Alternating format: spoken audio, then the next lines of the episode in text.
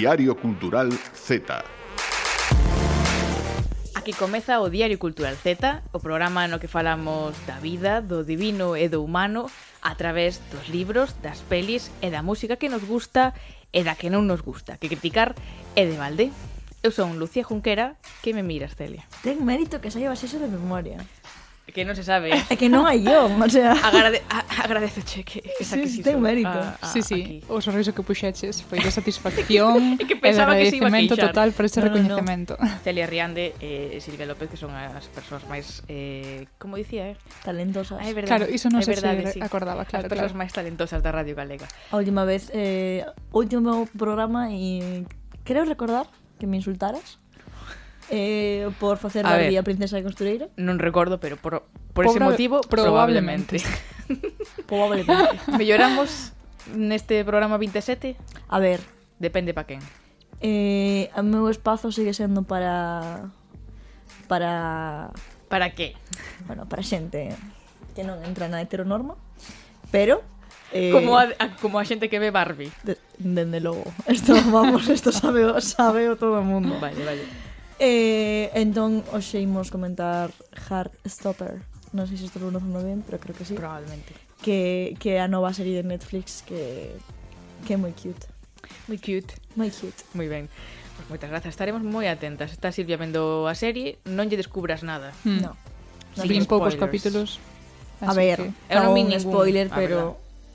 A, a ver, quero dicir, o spoiler é que hai un romance, pero eso creo que xa, Iso non é spoiler. creo que eso xa se intúe un romance que leva a tirar da manta e enseñar os pés.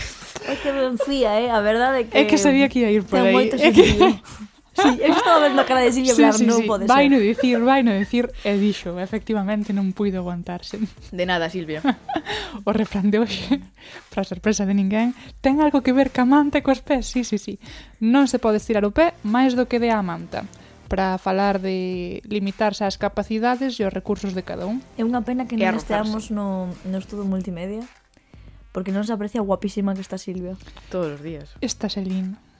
Como me chufa cada mañá. Eh, se queredes, colledes unha manta e ides a outras cousas a outro lado. Por favor, que aquí estamos facendo un programa serio. Comezamos.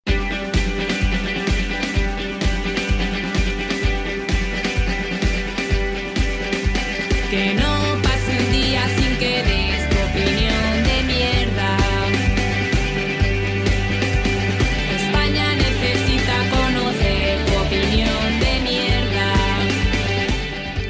No Diario Cultural Z somos xente moi elegante e comezamos falando ben da competencia. En La 2 de Televisión Española están coa segunda tempada de Detrás del Instante, un programa especializado en fotografía dirixido por Xavier Baich e Jordi Rovira. En cada episodio, pois danse cita cunha fotógrafa ou fotógrafo de España, entrevístanse con el se está vivo, e se non, pois recorren a expertos ou coñecidos para falar do seu traballo, das súas imaxes máis importantes.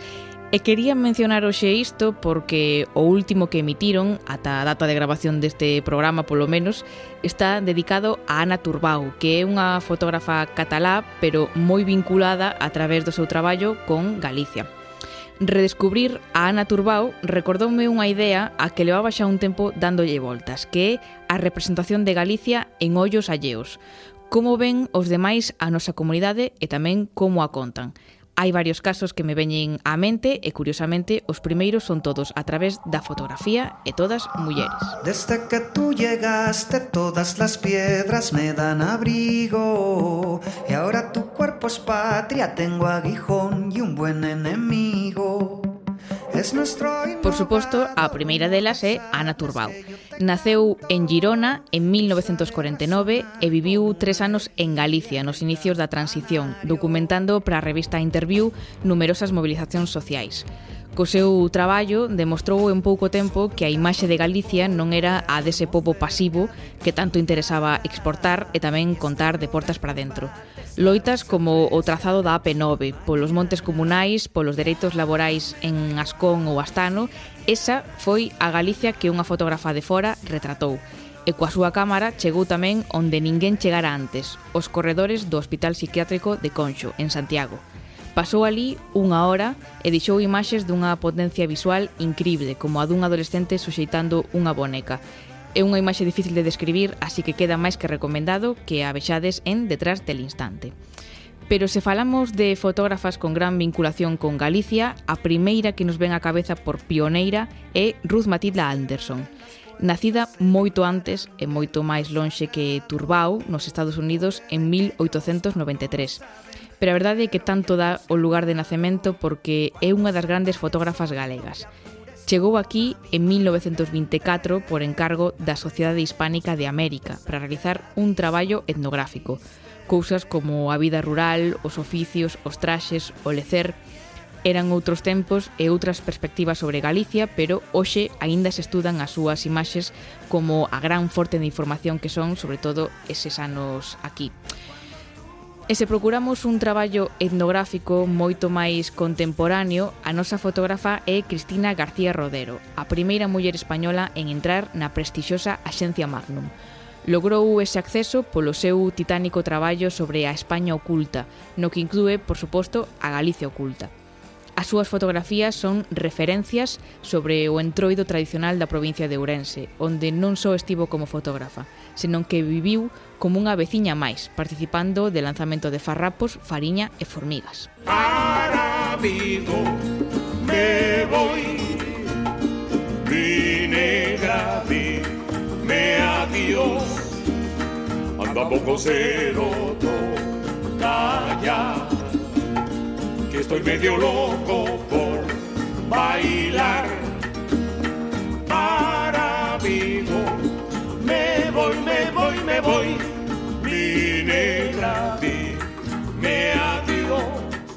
E buscando un pouco máis, atopei tamén exemplos na literatura, aínda que moito máis discretos que os destas tres fotógrafas. Así, temos a Aubrey Fitzgerald Bell, que en 1922 escribiu Galicia vista por un inglés.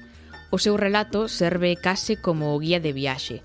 Bell era correspondente pro diario inglés Morning Post e escribía artigos comentando a paisaxe, a arquitectura, a gastronomía e tamén a lingua galega o precursor deses artigos de The Guardian que puxeron de moda as illas tíes entre os británicos. Hai que dicir que Obrivel, que estudou e percorreu Galicia en profundidade, preocupándose por ser fiel ao que vía, a xente que coñecía e tamén o idioma. Na versión inglesa do seu libro inclúe un glosario de termos galegos e non só os tópicos. Tamén palabras como zanfoña, patacón, traíña, castañas e aturuxo ou foliada. Esta noite foliada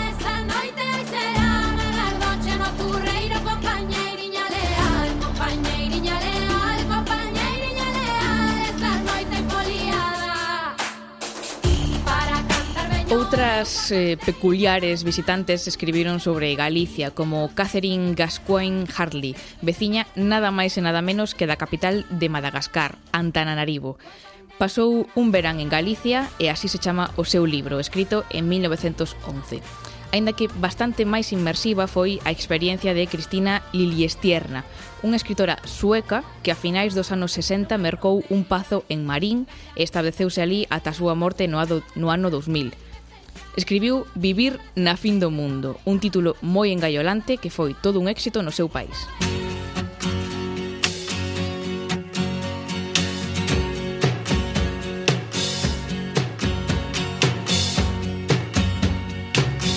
Eu quero che tanto Seguro que se me escapan moitos nomes, pero todas estas, con maioría mulleres curiosamente, son grandes historias de amor con Galicia dende diversos lugares do mundo. Para erguer a cabeza de vez en cando e sentir un chisco máis de orgullo. Quero as túas ribeiras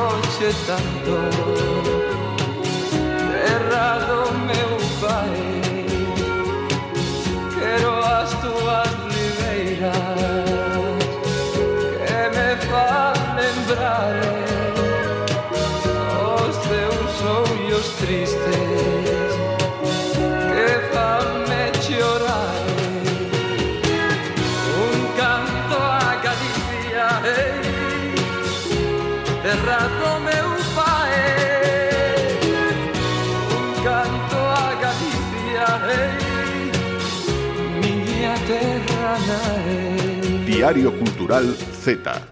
Dúbida vida existencial. Eh, como facer que ver pelis e series no sofá se un traballo?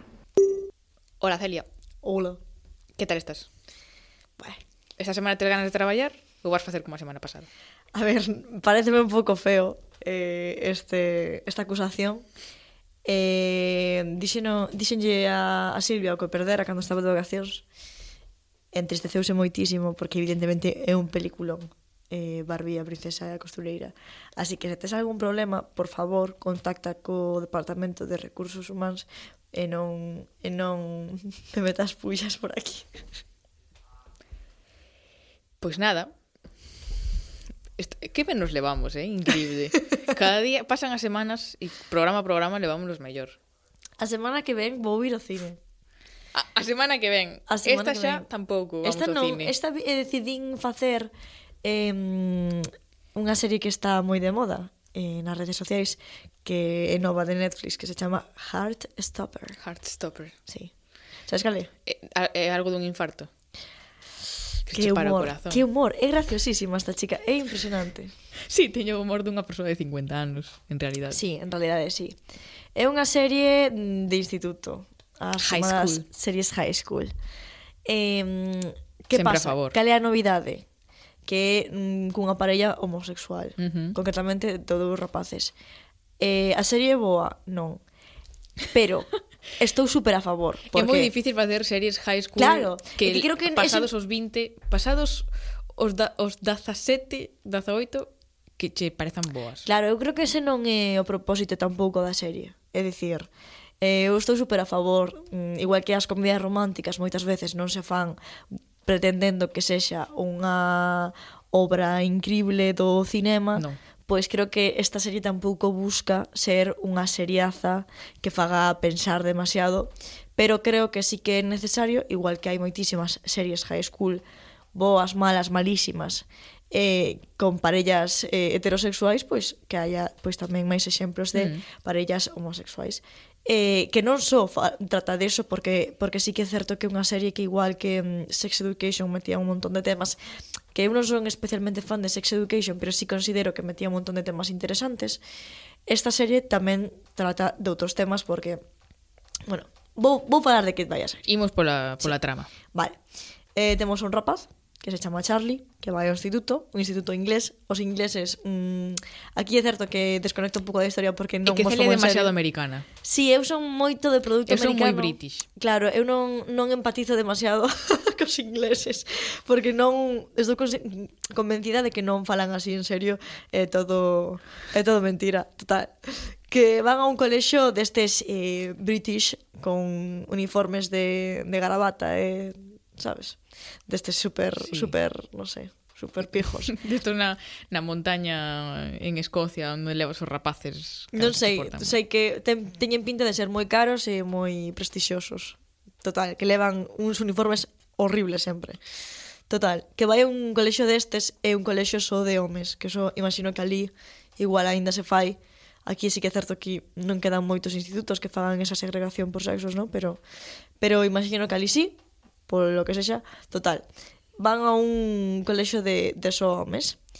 Eh, isto é interesante porque, primeiro, mm, ten sentido que nesa trama, pois, evidentemente, as, as únicas parellas relevantes nese instituto vayan a ser as que hai entre homes, e tamén meten un tema interesante que que tiñan unha amiga trans, e ao final coincidenlle o de cambiarse ao Instituto de Rapazas, que está guai e ese tema tamén porque non lle dan máis relevancia porque eu sempre digo que está feo cando a personaxe que hai trans eh, a única trama que ten é esa uh -huh. eh, igual que cando hai unha gorda hai unha persoa que non é heterosexual sempre, bueno, adoita pasar eso pois eh, neste caso non cousa que me gusta un montón porque só mencionan ao, ao comezo da serie para introducir un pouco ese personaxe, pero logo non, non fan máis referencia a que sexa trans, cousa que agradezo. Total, que Charlie vai a este, a este instituto e, e tiña como unha relación moi tóxica na que se ven pois como ese, ese tipo de relación que hai, imagino, cando a xente aínda non saiu do armario de es o meu secreto, eh, non pode saber o resto do, da xente porque a, a parella que tiña nese momento era un tío bastante popular, así, da xente guai do instituto, e, e dun día para outro, pois aparece outra persoa, eh, hai amor, A ver, vou facer spoilers porque, a ver, total, xa sabemos de que vai a serie, quero sí, dicir. Sí. Evidentemente acaban xuntos. De que vai. Sí, acaban xuntos. Eh, pero é sí que é interesante porque como que a outra, se, se ven Charlie si sabe que é homosexual e a outra persoa non o ten claro e empeza a mm, bueno, a, a sentir cousas, a, a loitar con eses sentimentos, a, a descubrir se, se de feito ao final conclúe que é bisexual, que non, que non gay. Entón é interesante como vai vivindo esa viaxe e como, pois claro, evidentemente non sempre fai as cousas ben porque non é unha viaxe doada. Eh, a serie a min non me gusta especialmente, sabes que non me gusta das series que se fai moito agora. Mm. Eh, o de meter as conversacións de mensaxes e todo iso. Sabes o que digo? Pero que realmente a nosa comunicación... Claro, sí, entendo que ten moitísimo sentido, en, entendo que é moi difícil facer eso sen que dea vergoña llea, pero a min cústame velo. En plan, de ver como se están... Evidentemente, ademais, teñen 15 anos. O sea, imagínate as mensaxes. Sabes, non... Claro, que nos vemos do prisma de claro. temos, xa, xa pasamos todo eso. Claro, xa pero eso digo que é unha serie de, que eu sí que considero que está ben que haya, porque mm. está moi guai. Entendo que se o ve unha persoa de 15 anos, pois pues, que se sinte moi identificada. Claro, pero sí que é certo que é moi difícil facer eso, especialmente porque normalmente esas series non as fan rapaces de 15 anos. Mm. Entón, as conversas son moi raras e hai unha cousa que que non me gusta das series dese tipo, que eu entendo que é moi difícil a nivel de dun guión e, e de, de que a, a serie sexa áxil e teña sentido, pero a min doeme no corazón cada vez que unha persoa abre un móvil e manda un mensaxe por, en este caso, Instagram, e a outra persoa contesta en 0,00001 segundos un párrafo. Que... Ah, vale, vale, vale. É que é un verdad. párrafo. Sí, é que ti contestas moi rápido. Eu contesto rápido, pero non é real, quero dicir. Sí, sí, non che dá para escribir tamén. Non me, da, o sea, rápido. é imposible, eu desconecto muitísimo coas historias con ese tipo de detalles ou como cando se supón que o seu mozo e abre unha conversa e está en blanco. É que non, ent... o sea, quero dicir, son cousas que borra los chats para liberar memoria. Quen fai eso? E a eh, todos xente. os días. E que non ten sentido. Eu entendo que igual non é doado facer isto nunha serie. Son non sei, de. Ben Pero son cousas que a min, uf, non sei, me desconecta un montón da, da historia, pero total, que isto pasa en case todas as series novas. Sí, en as películas tamén, nas sí. películas máis serias tamén pasa. Sí, total, a mí non me gusta, pero eh, entendo que é necesario porque vivimos nese contexto e non se posiciona no pasado, senón no presente. Uh -huh. Total, que que é interesante, sobre todo porque porque trata temas moi lixeiros, pero moi importantes como ese o o de non sei se me gustan os rapaces, non sei se son bisexual. Ese e... Eh, maior drama tamén. ¿Eh? Porque a veces estas cosas levan como moitísimo drama, sí, no, tampouco un drama, o sea, sí que é certo que tocan un pouco, por exemplo, hai outra parella de, de rapazas que, que son lesbianas e, eh, e deciden facelo público en Instagram e como que sí que non é que denuncien un odio explícito, hmm. pero sí que as rapazas queixase moito de que lle digan non, non parecías lesbiana ou que desperdicio que, que sexas lesbiana ou uh -huh. tipo de comentarios que lles molestan e que non, e que non lles gustan e o medo, sobre todo o medo a, a facelo público tendo 15 anos tamén creo que creo que se sempre é difícil agora con 22 anos igual, o sea, 22, eu teño 24, bueno con 24 anos igual coñeces a moita máis xente que, que xa deu o paso que cando tes 15, sí, que, sí. que é moi novo en realidade.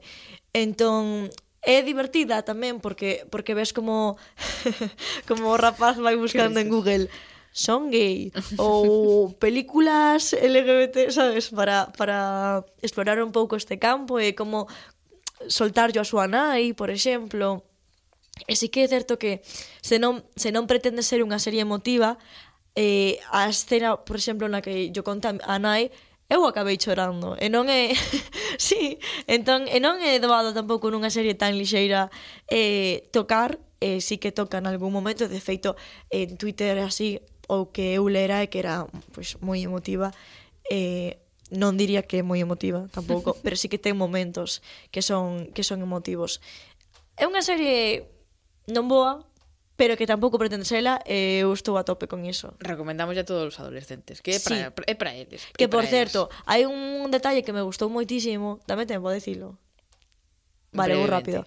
Vale, hai un detalle que me gustou moitísimo da serie que que cando busca películas LGBT, pois pues, imagino que para ver se se sente identificado ou o que sexa, eh, mm, poñen un montón de películas que existen, que son referentes dese, mm. dese tipo de cine. E unha delas é a de... Mm, ai, non sei como se chama, pero que son, que son animadoras eh, creo que se chama But I Am a Cheerleader eh, que son animadoras lesbianas e eh, que é un peliculón eh, que tamén é Outra de novo unha peli cutrísima pero que é unha pues, rollo comedia romántica high school que son super necesarias tamén porque os heteros teñen moitísimas así que non pasa nada se teñen un par non vai ser só sí. todo de, de Troy e Gabriela tamén claro, necesitamos outras, claro, outras personaxes. efectivamente. Gracias Delia. Nada.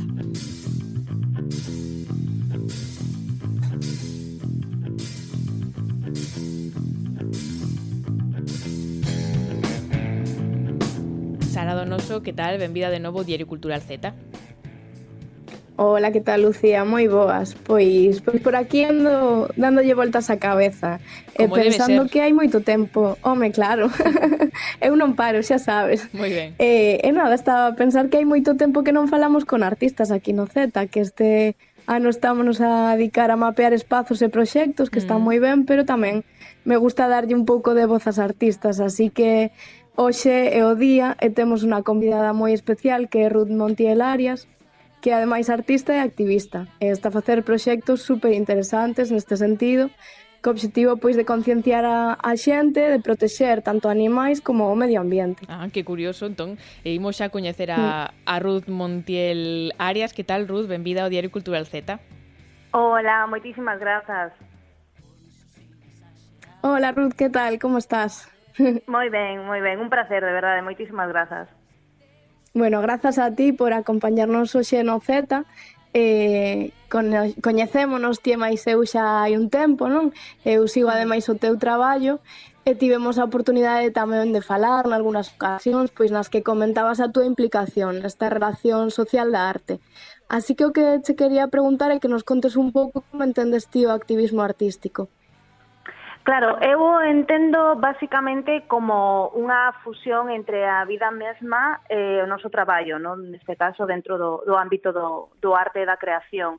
Entón, eh, para o meu entender, eh, é usar todas as nosas ferramentas e o noso coñecemento para, a, a través delas, eh, chegar a, ao público que queremos, e levarlle, evidentemente, pois neste caso, a causa na que militemos. Eh, no meu caso, como ben dixeches fai un anaco, pois é uh, o dos dereitos dos animais e tamén o, o medio ambiente, non? Exacto, prácticas que teñen que ver iso coa acción, con, coas accións sobre o planeta, non? Sobre a, a impronta do ser humano tamén, pois sobre o medio ambiente. E cando comezaches a dirixir un pouco a túa traxectoria artística nesta liña? Pois eh, comecei no 2011, de, digamos así, xusto ca primeira cando facía pois o que coñecemos como lanar, eh, non, intervencións no espazo natural con elementos naturais tamén.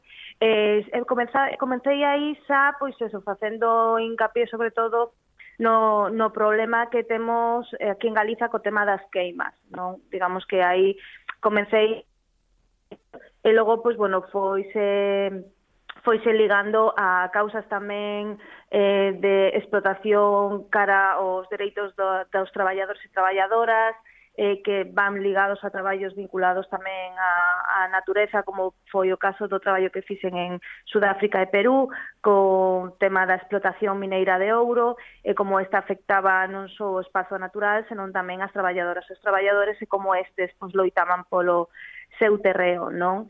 E, e logo, pois, a daí, si, no 2015, pois, eu diría que sadín como o paso tamén a poñer eh, o punto sobre a explotación que facemos sobre os demais animais, non?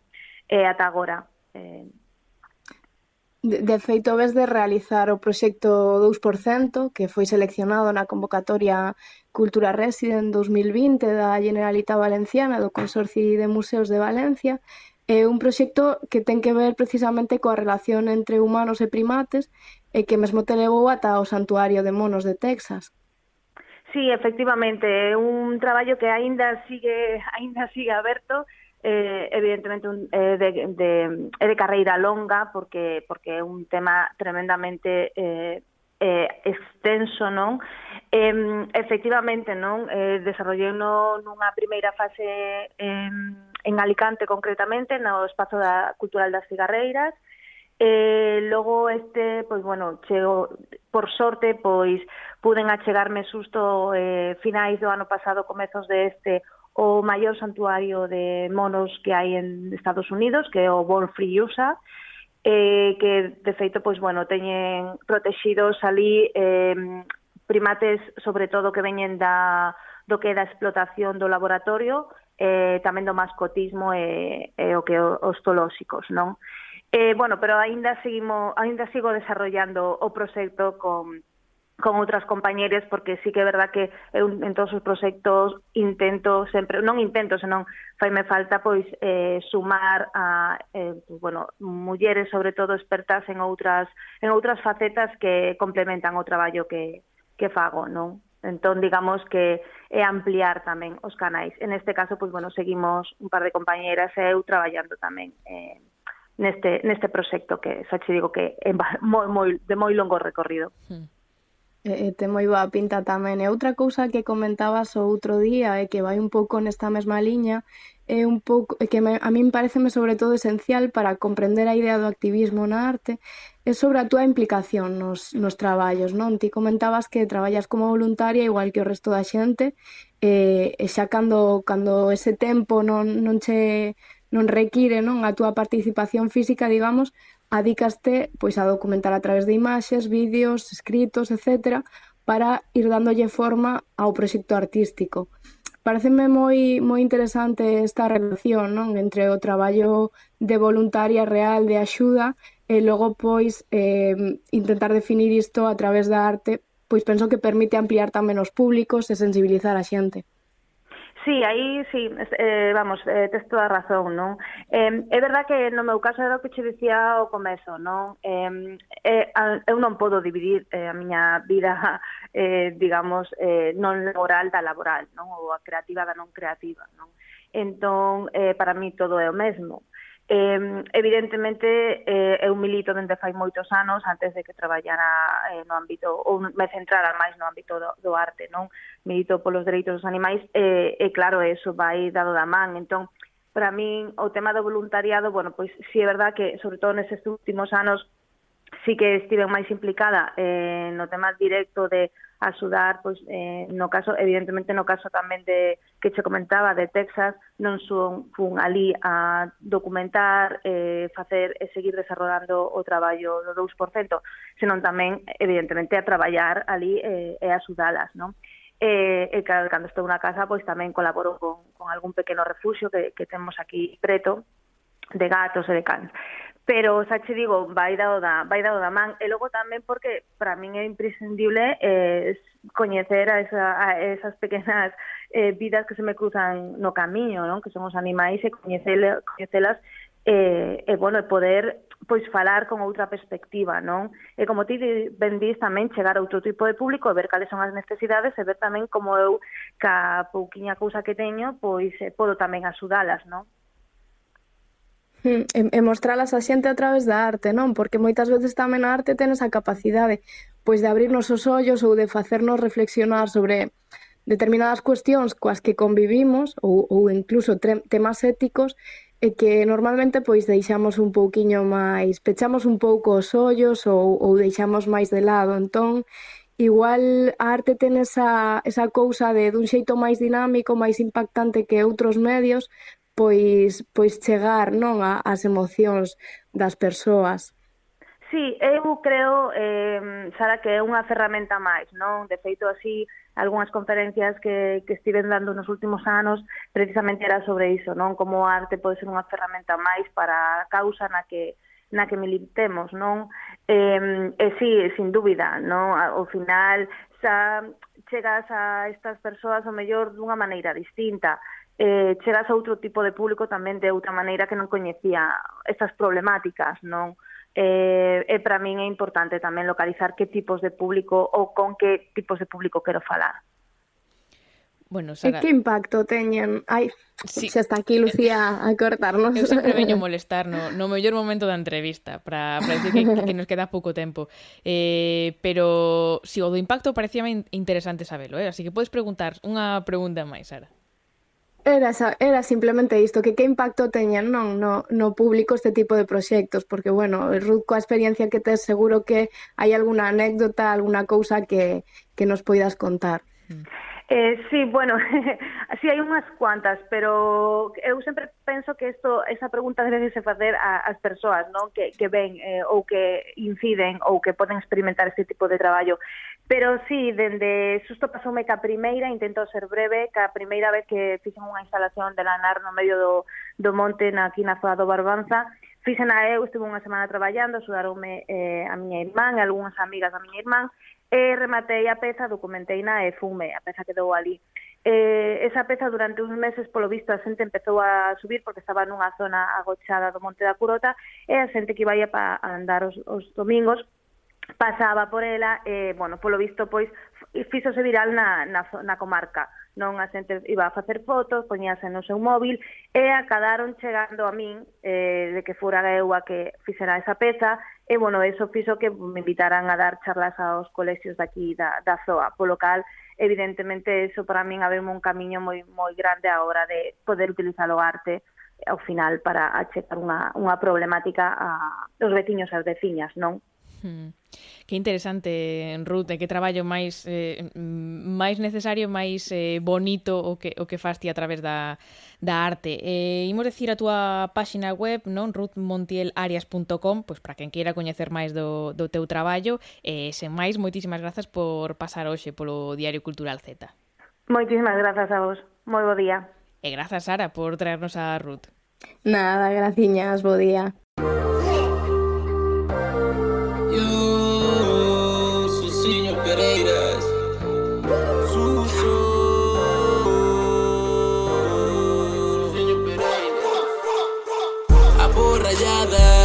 aporrallada porrallada, toda dalla aporrallada. Que estou entrando en coma, a aporrallada A toda dalla aporrallada. Que estou entrando en coma, a toda. A puta tralla toda, a toda. A puta tralla toda, a toda. A puta tralla Celia Riande, que tal? Moi bons días. Hoxe non está Silvia. No, colleu medo. É que cree que ten dereitos laborais, a mí non me parece Non, colleu medo. Por que? Por facer o cuestionario. É unha ah, xa. difícil facer o cuestionario este, eh? Non é doado. Non. Mm. Non ríamos de Anxo, pero ten o seu intríngulis. Ten o seu aquel? Sí, sí. Ah, facer bueno. o cuestionario bueno. é difícil. Disti. Sabes o que pasa? Que hoxe mmm, sempre digo mesmo Que temos convidados moi majos que se prestan moito a estas mamarrachadas Si, sí, eres un pouco pelota Non son pelota, pero hoxe creo que o noso convidado é dos que se presta ainda máis ás mamarrachadas Ou non, Roman, que tal? Ola, ben, moi ben, sí, sí, hai que prestar sempre, que senón a vida faise moi dura. Exactamente. Román Varela, que é o noso convidado de hoxe, do, podemos dicir que, que es do podcast Carretando, non? Faz máis cousas, imaginamos, pero podemos te coñecer por aí. Sí, é o máis é, é o máis reseñable da miña vida, digamos, por, agora mismo. Por agora, por agora. hai que facer promo para iso, o sea, claro. o resto, bueno. Pois pues, imos por aí. Eh, imos comezar o cuestionario, que son preguntas eh, moi serias do mundo da cultura, como corresponde a este programa, pero a primeira pregunta non a facemos non, senón que a fai o convidado ou convidada anterior, vai pensando ti na, na túa, que chimos preguntar ao final, e a nosa convidada anterior foi Cris Iglesias, actriz, e deixou esta pregunta para ti. Vale. Pois que pasaría se agora pecharan eh, as redes sociais. Que pasaría? Podes filosofar, eh? pois, a ver, pensando no meu eu de a mellor 16 anos diría, "Guau, sería maravilloso, la gente eh, cogería libros e sería la cultura e tal." Pero vendo ahora digo, "Va, sería super triste, verdad?" Eh? O sea, porque que imos facer ahora? Cando vas ao baño, vas no tren, no retrete que fas? Ah. Claro, o sea, o TikTok eh, e o Twitter, tío, non sei, eu sería moi triste, verdad, eh? estaría triste. A volta a ler os botes de champú ia ser, ia ser dura. sí, porque, joven, non hai tantos como como TikTok, sabes? Claro. Mm. Eu na ducha sigo lendo os botes de, de champú. Eh, e ti que fas na ducha? Porque non podes meter o móvil na ducha. Meu, pois non sei, pensas... O meu o mellor sí, porque outro día caeume na piscina está vivo. Entón, poderia meter unha ducha. Non vou probar. Ben. É unha ducha como non leas de gel, os de champú teño complicado, que non, non uso moito. mm, queres decir algo sobre o seu aspecto eh, máis físico, pero non imos aí ou podelo decir agora, porque a seguinte pregunta vai un pouco por aí, non? Cal, se, cal dirías que é o teu trazo máis sexy? Eh, bueno, eh, diría que leo o que non, e son os pés, teño moita mala sorte porque os pés teñen pés horribles. Pero por favor, tamén, dinos o sexy. Pero, a ver, tamén nos interesa. Por ben, co, como hai que facer un pouco de product placement, pois pues dijo que, que a voz é que nos escoiten encarretando que somos eh, ei, ei. personas moi sexys, con, con, con nostra voz. Moita xente resposta a voz, Pero, pero ben, pareceme ben. Sí, sí, sí. A min oh, chama a atención. Mítico, a xente que di a mirada, pero hai moita xente que di a voz. Que me chama bastante a atención. Vale, pois seguimos no lado da seducción. Seguimos eh, no román máis sexy. Eh, e se, se tiveras unha, unha cita, pon, pois a que lugar levarías para, para impresionar nesa primeira cita? Eh, sei, para impresionala, pois tirando un pouco de tópicos igual a pues, eh, a enseñar leiras de meu abuelo, así. Pero... Ben, ensinando que te... Que te... Tópico nada. No, tópico non. Ensinando que te, no, no, que te no, enterra. No, tópico para nada, eh? no, no, que va que se vexa que é un partidazo. Sí, sí, a mí sí. parece moi correcto. Teño terras, esa é unha frase sí. moi que, que che saca de máis dun apuro, eh, nun, Efectivamente. nun momento. Eh, mm, Román, xa meténdonos un pouco na, na, na túa faceta profesional como comunicador, eh, cales dirías que son os tres imprescindibles ou para ter un podcast ou para ser comunicador? tres trazos, non? Tres, eh, mm, sí, cousas ou, digamos, intelectuais ou obxectos O que ti queiras. Ajá, vale. Pois ter uh, un micrófono, pero bah, tampouco faría falta. ter Berrar un pouco, un ter, ter moito tempo, e ter moitas ganas porque o podcast é así eh, eso, o sea, é que é un vicio malo porque non, o sea, non hai un peso ni nada, que non é así. Entonces, eso, ter tempo, ganas eh, e eh, eh, voz non sei, que decir, non... É pouco máis, é, ¿eh? é sempre imprescindible. Hmm. Hmm. Aquí estaríamos de acordo. Non sei. Ter moitas ganas. E ter moitos cartos tamén, eh, porque se che fan falta cartos non te meter neso. ¿eh? Mo moi boa resposta, é verdad. Eso é unha boa... Ímolo deixando entón xa. Pechamos o chiringuito. Vale, este. en esa dirección, entón, que é o que máis odias deste gran oficio? Eh a los flipados, supoño, o sea, pero pero claro, como decir, cada persona case que está o seu o seu podcast. Entón, sí, eso, o sea, xente que se cree super interesante, super interesante, pero bueno, que eso facémoslo todos, ao final temos moita fan de de protagonismo e sería o que máis sobe. Bueno, é unha mala cando cando é un podcast eh, non está nada currado, o sea, o son eh, que nos pasa que, que, que sempre nos pasa a todos, pero é algo que é un pouco irritante cando escoitas. Sí. O sea, a ver, se tes un podcast, a cuestión sería Polo que... menos que se escoite que, ben. ben, ¿no? Porque, quero decir, hai veces que, que che mandan colegas audios de WhatsApp de 10 minutos e están moito mellor eh, que veos podcast, sabes? O sea, eso... está feo. vale. Eh, entón, así algún algún flipao que xa por aí no mundo dos podcasts, algún antirreferente no que non te queiras converter. Con nomes e eh, apelidos. Eh, bueno, pois pues mira, vamos a levar a política eh, Pablo Iglesias, por exemplo. Quero decir... Bastante flipado. Rollo, que me, que, que, me, que me parece un tío excepcional, humorista e todo, sí, sí. pero... Que decir, chega un momento xa que xa está, sabes? Eh, aparte que salen todos os lados, eh, un pouco pesadete, pero bueno, que me parece bo chaval, pero bueno, que non sei, que es un pouco flipado. Pablo, por favor, deixa de, de copar todos os medios e deixenos espazo para os, os, os precarizados xornalistas, por favor. Exactamente. Hai que parar xa de crear medios novos, que hai xa bastante suficientes. Eh, xa que te meteches ti na, na política, e eh, claro, dende, dende carretando que falades moito de política, eres un gran experto na, na política, entón imos cunha pregunta mmm, destas de Fuck, Merry Kill, uh-huh. eh, uh -huh. entre Feijó, Caballero e Jácome. Eh, vale. Eh, kill a Jacome, o sea, que, Adiante. que decir, non sei, non vou valorar, pero bueno, xa, kill a Jacome. Vale. Eh, fuck con Abel. Abel é que, non sei, ten un...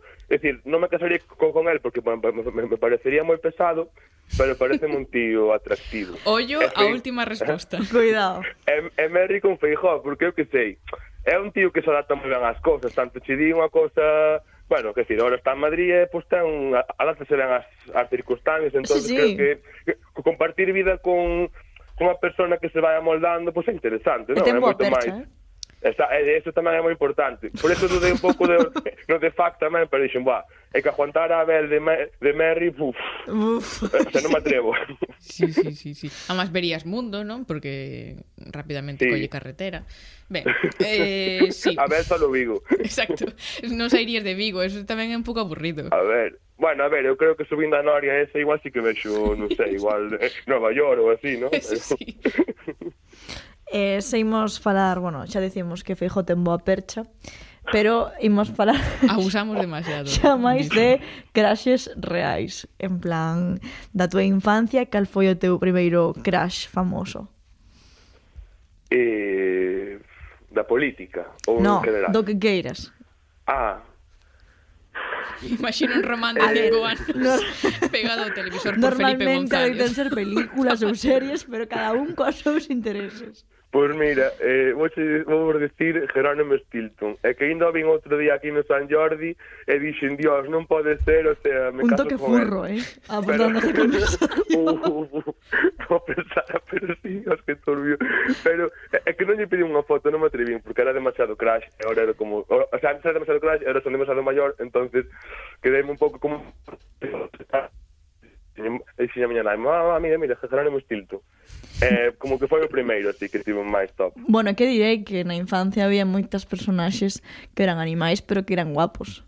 A min, a min pasoume tamén este, este pro, esta problemática no Rei León. A ver, Scar era guapísimo. Que eh, Buah. Que sí.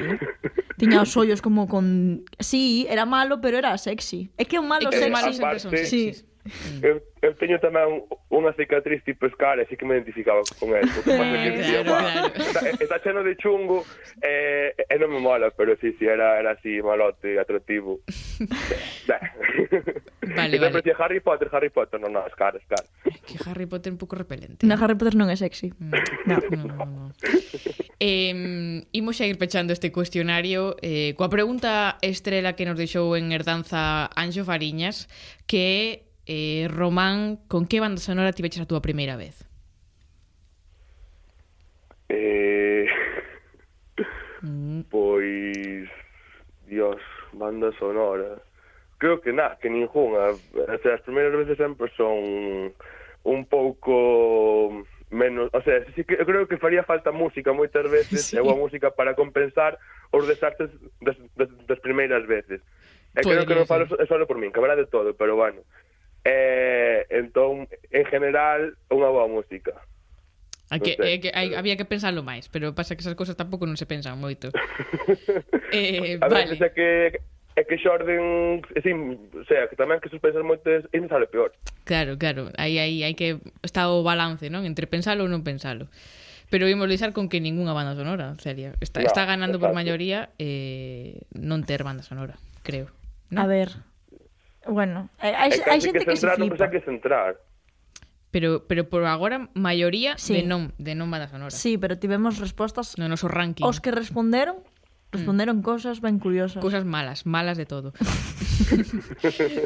vale, pois pues, Román, xa ves eh, como vai o cuestionario este, cousas, como dixemos, culturetas de, do, sí. do que nos interesa. Sí. Entón, pensando xa no seguinte convidado ou convidada, queremos que lle deixes unha pregunta que político lle gustaría que lle ler na cama de noite? Uf, ui, está ben. Pode haber primeiras veces con audiolibros eh, lidos por políticos. Eso sí. hai un filón aí no, no mercado do audio que está aínda por explorar. Sí, por Miguel Anxo Bastos. Bastante sexy moi, moi, quedamos reflexionando a túa pregunta, Román. xa non vou dormir hoxe pola noite bueno. pensando nisto. Moitísimas grazas por prestarte a facer este cuestionario eh, e deixamoste comendo en horarios eh, europeos. europeos. Bueno, moitas grazas a vos eh, e bueno, que espero que a persoa que resposta a pregunta pois pues, sexa imaginativo e a ver que a veces se nos sorprende é unha aperta moi grande. Ahora temos que pensar ben quen vai ser o seguinte para que conteste ben a pregunta. Claro. Grazas, Román. Veña, a vos. Chao. Hasta logo. Chao. Diario Cultural Z.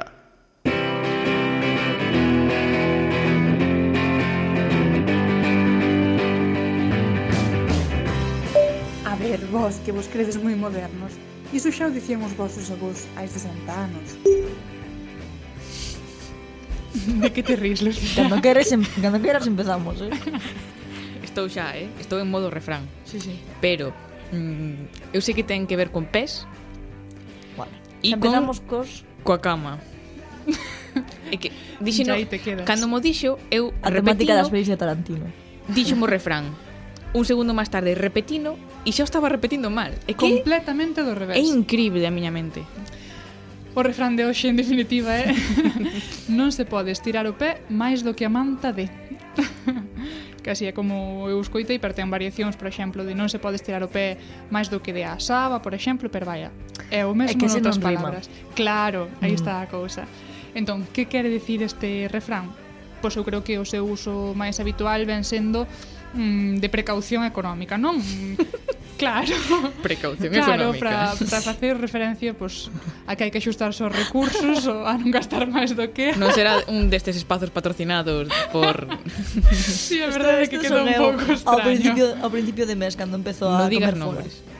Ah, vale, vale, vale. Que sí que outra claro, cousa. pois un pouco sí. iso. Eso non se pode estirar o pé máis do que de a manta, porque senón quedamos a velas vir, espidos, sen un can, e ás veces isto é un pouco literal. Xa falamos aquí daquela serie de Netflix que se chamaba Asistenta, mencionámola noutros meus ditos nos que eh, falábamos de precariedade porque a protagonista Alex sempre anda moi moi xusta de cartos pola súa situación persoal, mm, familiar, pero xe quixen volver traer esta serie aquí porque hai varias escenas, ou, bueno, un recurso que utilizan moito nesta serie que representa perfectamente o significado deste refrán. Resulta que Alex anda tan xusta de cartos, ten tantos problemas económicos que chega ao punto de que cando vai ao supermercado ten que andar botando contas super exactas para non pasarse ningún dólar do pouco orzamento que ten. Entón, na pantalla, as espectadoras vamos vendo como, como van baixando eses dólares que lle quedan, en, vaise vendo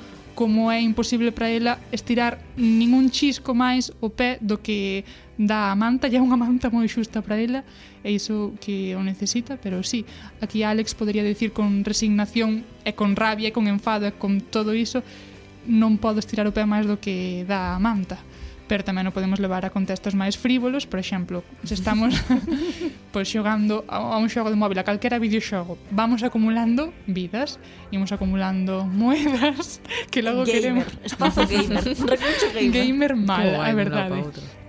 Que logo queremos canxar, pero nunca nos dan, pero que queremos sempre nos tocan pois trapalladas non podemos estirar o pé máis do que de Amanda, o que de Amanda, aí se que axustar o que hai que veña sendo cousas reguleras. Ou sen fomentar entón, a ludopatía, sí. cando che toca algo nunha destas cousas de sí. ludópatas que tiqui, tiqui, chaman. Gusta que estás facendo cos dedos, non pode ver a xente na casa, pero tiqui tiqui tiqui é boa descripción. chulo. Se ganas unha vez, deixa estar, non estires máis la manta. Non é así, no. Sí. Poderías interpretar tamén así. Sí, eso unha vez tocoume algo no bingo e dixen, ata aquí. Ata aquí. Claro. aquí rematou a noite, porque isto xa non Vale, entón queda máis ou menos explicada esa interpretación máis habitual do refrán, pero eu creo que tamén se pode interpretar por outras vías, porque a ver, dixemos que é como un aviso de non gastar máis do que temos para axustarnos aos recursos, aos orzamentos que, que temos, pero tamén se podría aplicar ás posibilidades e ás pretensións de cada un a que non se pode presumir do que non se ten.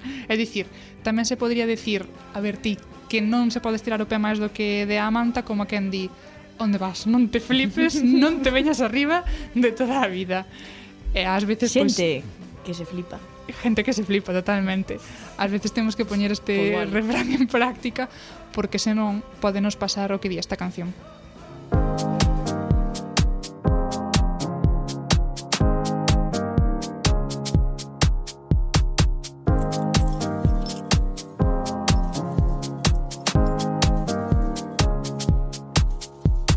Me falta las llaves, lo perdí todo. Me falta tu cara, la plata, el oro. Me falta un castillo, también un. Si estoy frente al mar, ahora siempre lloro. Paseo y paseo y me quedo solo. Corro y me escapo de todos esos bobos. Estoy inconsciente y me huele un lobo. Se va sin morderme ese puto lobo. Mi dolor y mi gloria está todo de rojo. No quiero nada, solo Claro, non me din todo o que daba a manta de sí, viñeme un pouco arriba e ao final pois acabei perdendo todo. Muchos monos, un hijo y un castillo. No. Que, que, Muchos hijos, un mono y un castillo. Boísima película. Fala aí algo dun castillo. Ti fixestes a túa versión? A min gustaba. Si, a canción é dun, dun rapaz de Lugo que se chama Diego que publicou, bueno, descubrina hai moi pouco, pero o álbum publicou no xa hai uns meses, creo que a finais do 2021, chamase La ciudad que te mira é un álbum dedicado a Lugo. Bueno, Tiña que ser. Xa empezamos. Mola, eh? Recomendo vos eh, Pouco nos gusta que os coitedes. e eh, queda aí a recomendación, pero imos darlle outra volta máis aínda ao refrán porque cando dicimos isto de que non se pode estirar o pé máis do que dea a manta, repito moito para que a Lucía lle vaya quedando claro para que non mesture logo as Despois cousas. Despois pregúntasme. Que cando estamos dicindo iso, estamos dicindo tamén que hai que coñecer os límites noutros sentidos.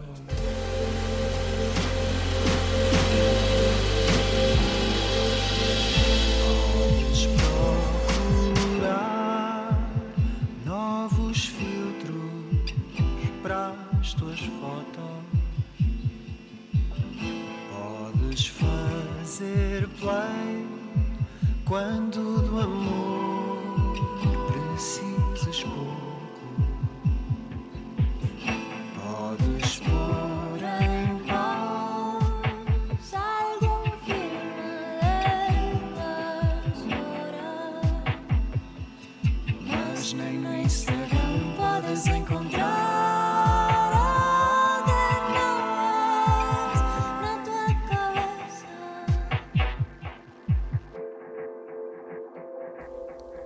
hai que coñecer os límites, así é como se chama esta canción. Vou comentar unha anécdota. Do grupo Vou Vou comentar que o único sí. que escuitei foron, en plan, ASMR das túas babas. Xa está ben de, de acoso, Perdón. de verdade. Queremos con eu saber a anécdota. El momento anécdota. Eh, cando vou pa cama, eu vou pa cama moi cedo, porque me levanto moi cedo. Xente traballadora. Sí, anecdotario. Entón, eh, parede con parede teño de veciño o guitarrista de Neboa, Entón a veces estou dormindo uh. as miñas horas de eh. que ainda de día fora está el mm, Pero isto non sabía. E así. Eres o veciño de Ana Guerra que non se para de queixar que lle molesta. Queixeime eu algunha vez? Nunca. Non sabía iso. Continúa. Me han traído. Pois iso, que hai que coñecer os límites, saber ata onde podes estirar os pés, pero tamén hai que coñecer os límites de cada quen as limitacións que, que todas temos e estas tamén poden vir pola banda da saúde mental Entón, aí este refrán... Xa se ri. Sí, sí, sí, sí. Xa estou escoitando as risas de Celia polo baixo. Doña Problemas. o libro do hematocrítico baseado en Celia. Teño unha foto. Entón, mm, por esa vía, este refrán viría a decir que non se pode forzar a máquina demais, non, non presionarnos nin exigirnos demasiado. Cabeza, rodilla, muslos y cadera, cabeza, rodilla, muslos y cadera, cabeza, rodilla, muslos y cadera, cabeza, rodilla, muslos y Desde pequeño quería ser beisbolista, no llegué así que aprendí a batear hits por encima de una pista. Volví a tomar alcohol en mi despacho. Escribo bien sobrio, pero escribo mejor borracho. Cuando caigo en depresión, mis problemas se los cuento.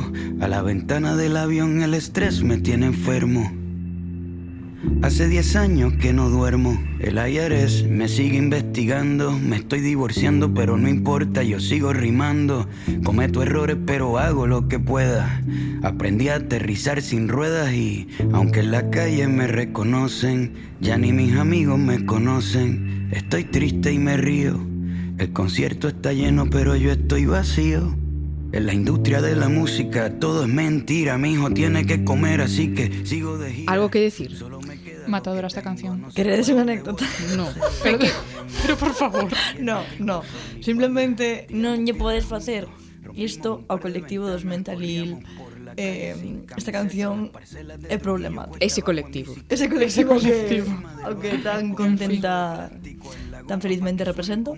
Esta canción eh, tens que poñer antes un trigger warning destes para a próxima aviso. Pero non pasa nada, Celia, porque como te viñas queixando últimamente de que nesta sección faltaba pachangueo, faltaba Ay, reggaetón, xa estamos. Hoxe veño cumprirche ese desexo. entón, pois, busquei unha canción que falase de mantas, de sabas e de pés, pero claro, un pouco noutro sentido. Para calmar la sed, te quiero proponer que de lunes a domingo te quedes.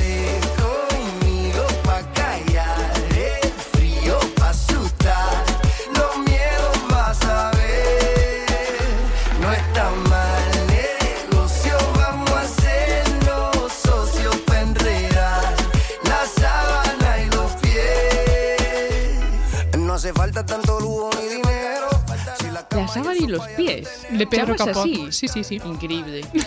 Eh, a relación estaba clara. Hai xente que é moi porca cos pés. Pero non imos non entrar eu, niso. Non é o noso tema A ver, de pero era un pouco, esta era un pouco en plan sensual. Esta canción. Eh, mm. se lle queres buscar o sentido sí, ese, non teño todo para ti. Tamén hai xente que porca cos pés en plan de que non os lava, pero ese é o tema para outro. É que non inicio a entender algo así, pero vale. da igual. Eu chegado a este momento sempre teño que mm, recoller cable, pechar eh, sección e cambiar de orde. tema. Grazas, Silvia. Grazas a vos.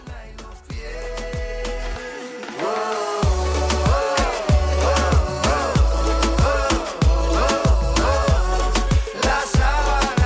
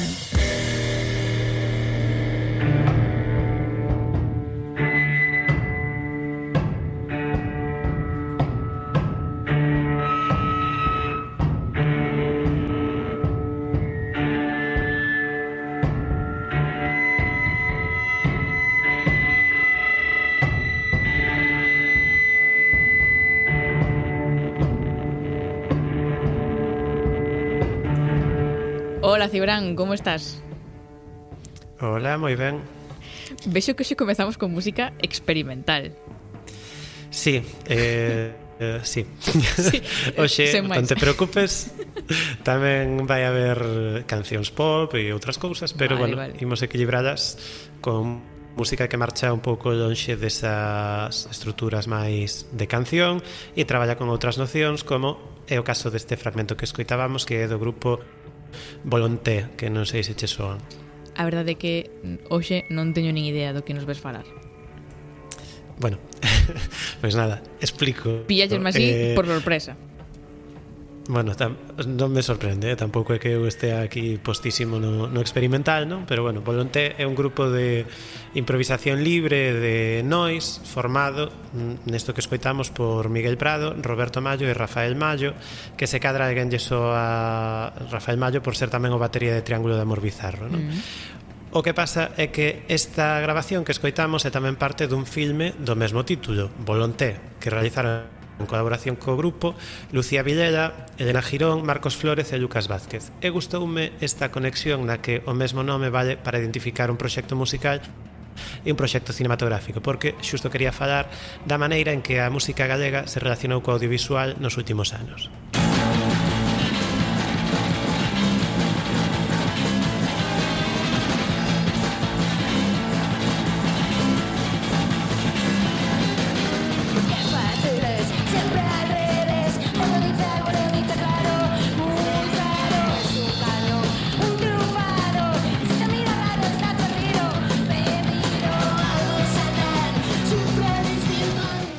imos che perdoar entón que te metas desta volta no terreo de Jesús e de Brais porque tes excusa. Entendo que, que isto mm, volonteo que escoitábamos antes se chegaba entón a música dende o documental e a experimentación, non? E non sei se hai máis cousas nesa liña. Sí que hai, sí. Eh, desde o lado da experimentación creo que se podría pensar pois en filmes como Nove fugas de Foncortizo ou Sete limbos de, de Berio Molina e de Xandre Cancello onde hai bueno, unha parte de creación sonora e musical que tamén afecta a creación das películas. E desde o lado documental veñenme a cabeza pois a mellor cousas como Grecidade, que era unha peza de Pablo Cayuela que recollía a grabación do disco Grecia de Das Capital, ou Dorcena Villa, de Alejandro Gándara e de Olaya Tubío, que eh, na que se busca as, as informantes as que a musicóloga Dorothy Schubert gravara en Galicia a finais dos anos 70. Pero isto que está soando non vai por aí, non? Non, isto, bueno, eh, está xado o tema do documental e do experimental Isto é un tema que se chama Un raro, de Rabuda E é unha canción que aparecía na película A Estación Violenta de Anxos Fazáns que é unha ficción. E naquel caso desa película a música tiña moito peso Eh, en parte porque unha das actrices era Laura da Montagne, non? que tamén interpretaba un tema, uh -huh. eh, Rabuda aparecían xunto con Pantis actuando na illa de San Simón, onde de feito esta canción foi gravada en directo, tal como escoitamos, non? Tamén saían contenedor de mierda, tamén soaban a, eh, as músicas de Chicharrón ou de Atrás Tigre, e incluso despois fixeronse algunhas festas para presentar o filme nas que actuaron algunhas destas bandas. Entón, bueno, non sei se si, si biches esta película ou se che veñen á cabeza algún más ficcións galegas recentes nas que a música xogase un papel importante, vale? Pois pues a verdade que non vin esa, esa película da que, da que falabas, pero sí que mm, adiantándome probablemente o que, o que algo máis do que vas falar, sí que de pringadas andamos aquí ben e ten moito que ver tamén a música. pois sí, Pois xa te adiantas, bueno, pois xa, xa se me ven abaixo a sorpresa, pero bueno, parte de pringadas das que falaremos a continuación, non? Eh, pois vin un clip de avance de Cando toca un animal, a película de Ángel Figueira no que soaba a lamprea explosiva, as que escoitamos aquí cada vez que veño eu, polo menos. Uh -huh. eh, tamén en Las altas presiones de Ángel Santos, saía eh, sonaban Fantasmaje ou Telephones Rouge e aparecían Unicornibot tocando no Liceo Mutante. Ainda así, eso, en vez de falar delas, sí que quería falar dunha das que xa se falou aquí varias veces.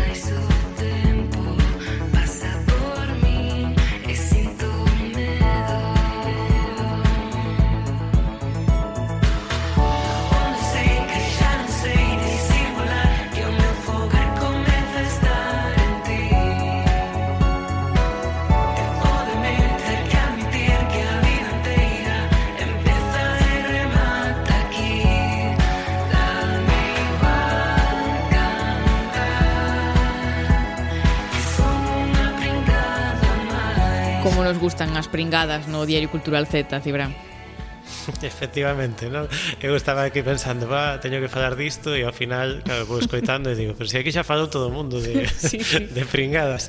Eh, pero xa viches, ao final atopei outra maneira de entrar ao, ao tema.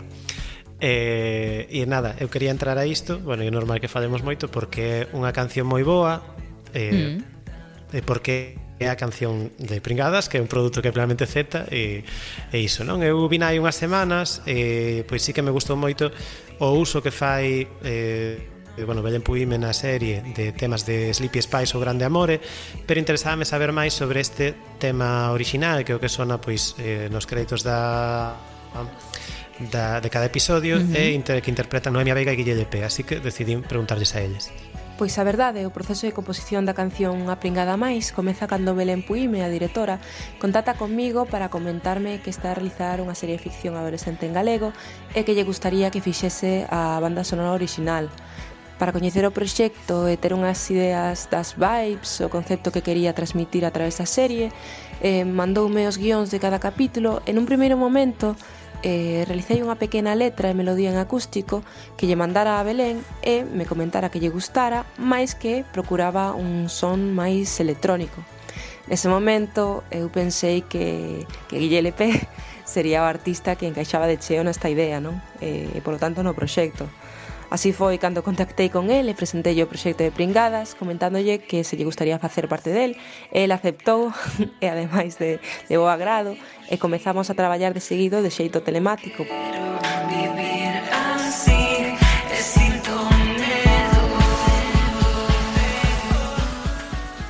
É curioso que outro día antes de meternos a gravar aínda non tiñamos un estribillo para a canción. eh, pero mellor foi despois chegar a casa con todas as tomas de voz de Noemia e construir a produción a partir diso ata a tu resultado final Obxectivamente, eu creo que foi sempre facer unha canción que soase super super pop e que contrastara a letra como de postadolescentes universitarios tristes con unha base que ia soando cada vez máis festiva. No final rematamos con a sonoridade que en realidade difire moitísimo mmm, da que temos Noemia e eu en solitario que tamén somos moi diferentes entre nós, pero ao mesmo tempo creo que contén mitísimo de ambos os dous. E ademais, é o feito de ter que concentrar toda a esencia dunha serie como Pringadas nunha canción foi tamén un exercicio moi chulo para como para conectarnos co que significa pertencer á nosa xeración e, por que non dicilo, eh, abrazar o feito de que tamén somos unhas pringadas e cantalo con orgullo. Non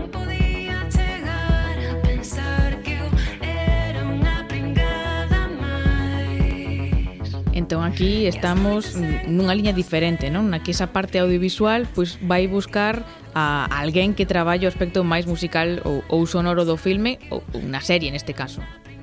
Sí, sí.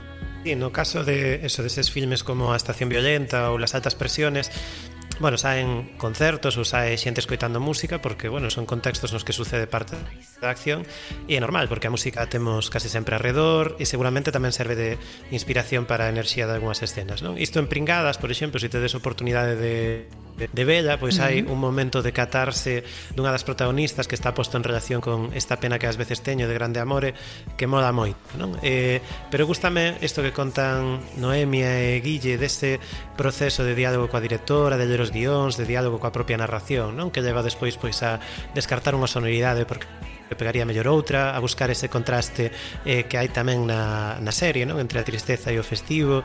Eh, pareceume que podía ser interesante explorar un proceso Texto parecido, pero xa non desde o lado de quen recibe a encarga, sino desde o lado da persoa que a fai.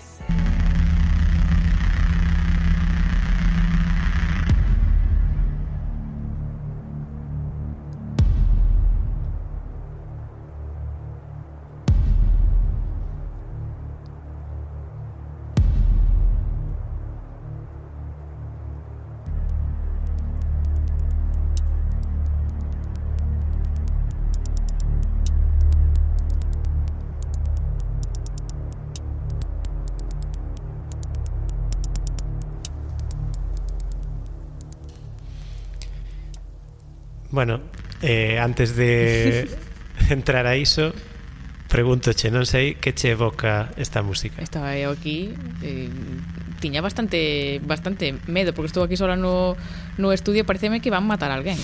Que, que é isto, Cibran? Pois isto é a banda sonora de Aloba, eh, unha peza de Iria Silvosa na que a parte sonora realizou Rubén Domínguez co seu proxecto Pantis. Esta é unha película feita para a invernada de cine de Xermade, que eh, filmada en Super 8 na terracha e que traballa coa escuridade da noite, xogando coas texturas e co grau da imaxe, non? Eh, igual este tema da noite no nocturno pois pues, tamén asociamos con medo e xa veremos despois pode ter relación co que sentías, non? Eu falei con Iria e contoume que nun comezo ela quería traballar co cine na súa forma máis primitiva, como de pura imaxe sen son, eh, con conceptos abstractos, pero que chegou a un bloqueo e aí decidiu contactar con Rubén para propoñerlle colaborar. O primeiro que lle ensinei ni siquiera foi o que eu montei, senón as bobinas eh, literalmente digitalizadas na mesma orde que foran filmadas. É dicir, sen montaxe, solo montaxe en cámara, por así decirlo, pero, bueno, que eu no momento de filmar tampouco estaba facendo unha montaxe consciente, así que foron imaxes totalmente en bruto, con un pequeno dossier que lle fixen para mm, explicar catro ideas que podía haber aí dentro que era, bueno, a lenda da que partía de a bandoleira Pepa Loba que se supón que estivo por terras chairegas e que é esta zona na que eu fun a filmar de noite, a idea de, de fuxida polo monte, as escuras, como eu me imaginaba esa persona fuxindo, e, por este camiño real que conectaba a, o que era Mondañedo, que antes era a capital do Reino de Galicia con Ferrol.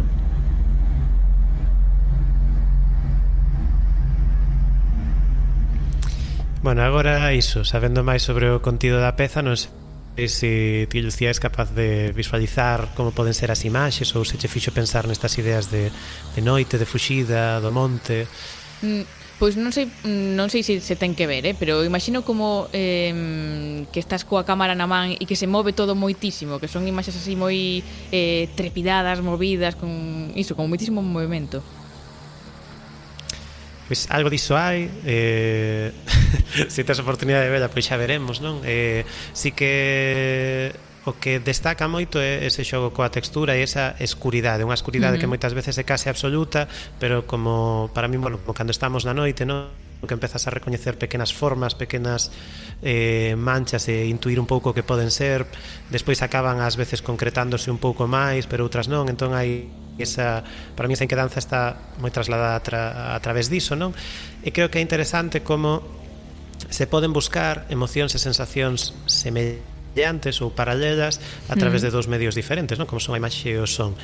E ese proceso de diálogo que estableceron Iria Silvos e Rubén Domínguez pareceme moi representativo do que se pode conseguir con este tipo de colaboracións. Empezamos a, a intercambiar pola súa parte composicións co son e pola miña parte montaxe. Entón foi un proceso en paralelo no que de algún xeito establecimos como unha especie de correspondencia artística no que eu lle enviaba unha montaxe, el me devolvía pois as impresións traducidas a son a esta banda sonora e íbamos como calibrando ritmos e sobre todo a mí interesaba moito traballar a textura tamén dende o son e ese, pois, eso, o grao, rascaduras, as imperfeccións da propia película, da cámara e, e ese foi o, o camiño. Que en realidad pero non tivo complicación ninguna, foi sencillo porque era eso, eu mando estas imaxes, ti compón algo totalmente libre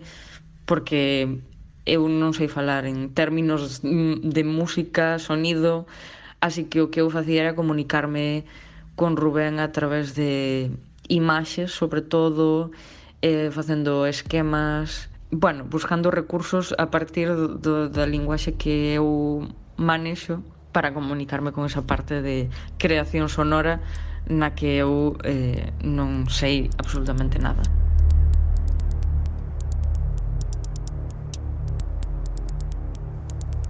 Pois, Cibran, a verdade é que penso que isto resume bastante esa parte que é case máxica non da colaboración entre música e audiovisual na que alguén que non sabe de creación sonora pois pode facer unha creación que, que esa creación exista e alguén que non está facendo imaxes pois cambia totalmente o sentido que teñen esas imaxes.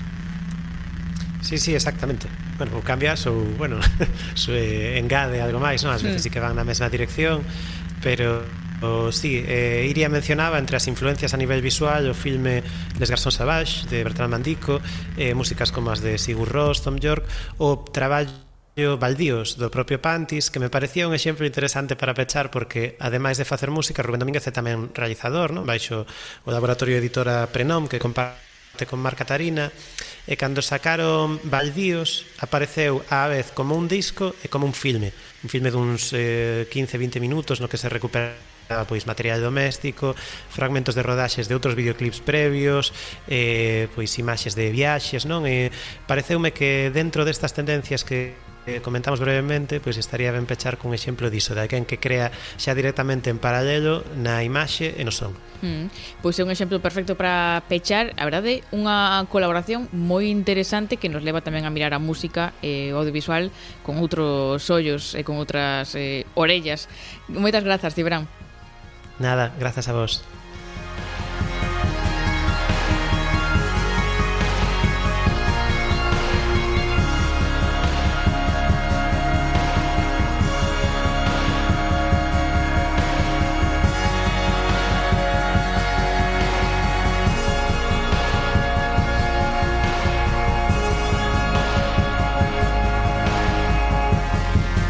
Cultural Z.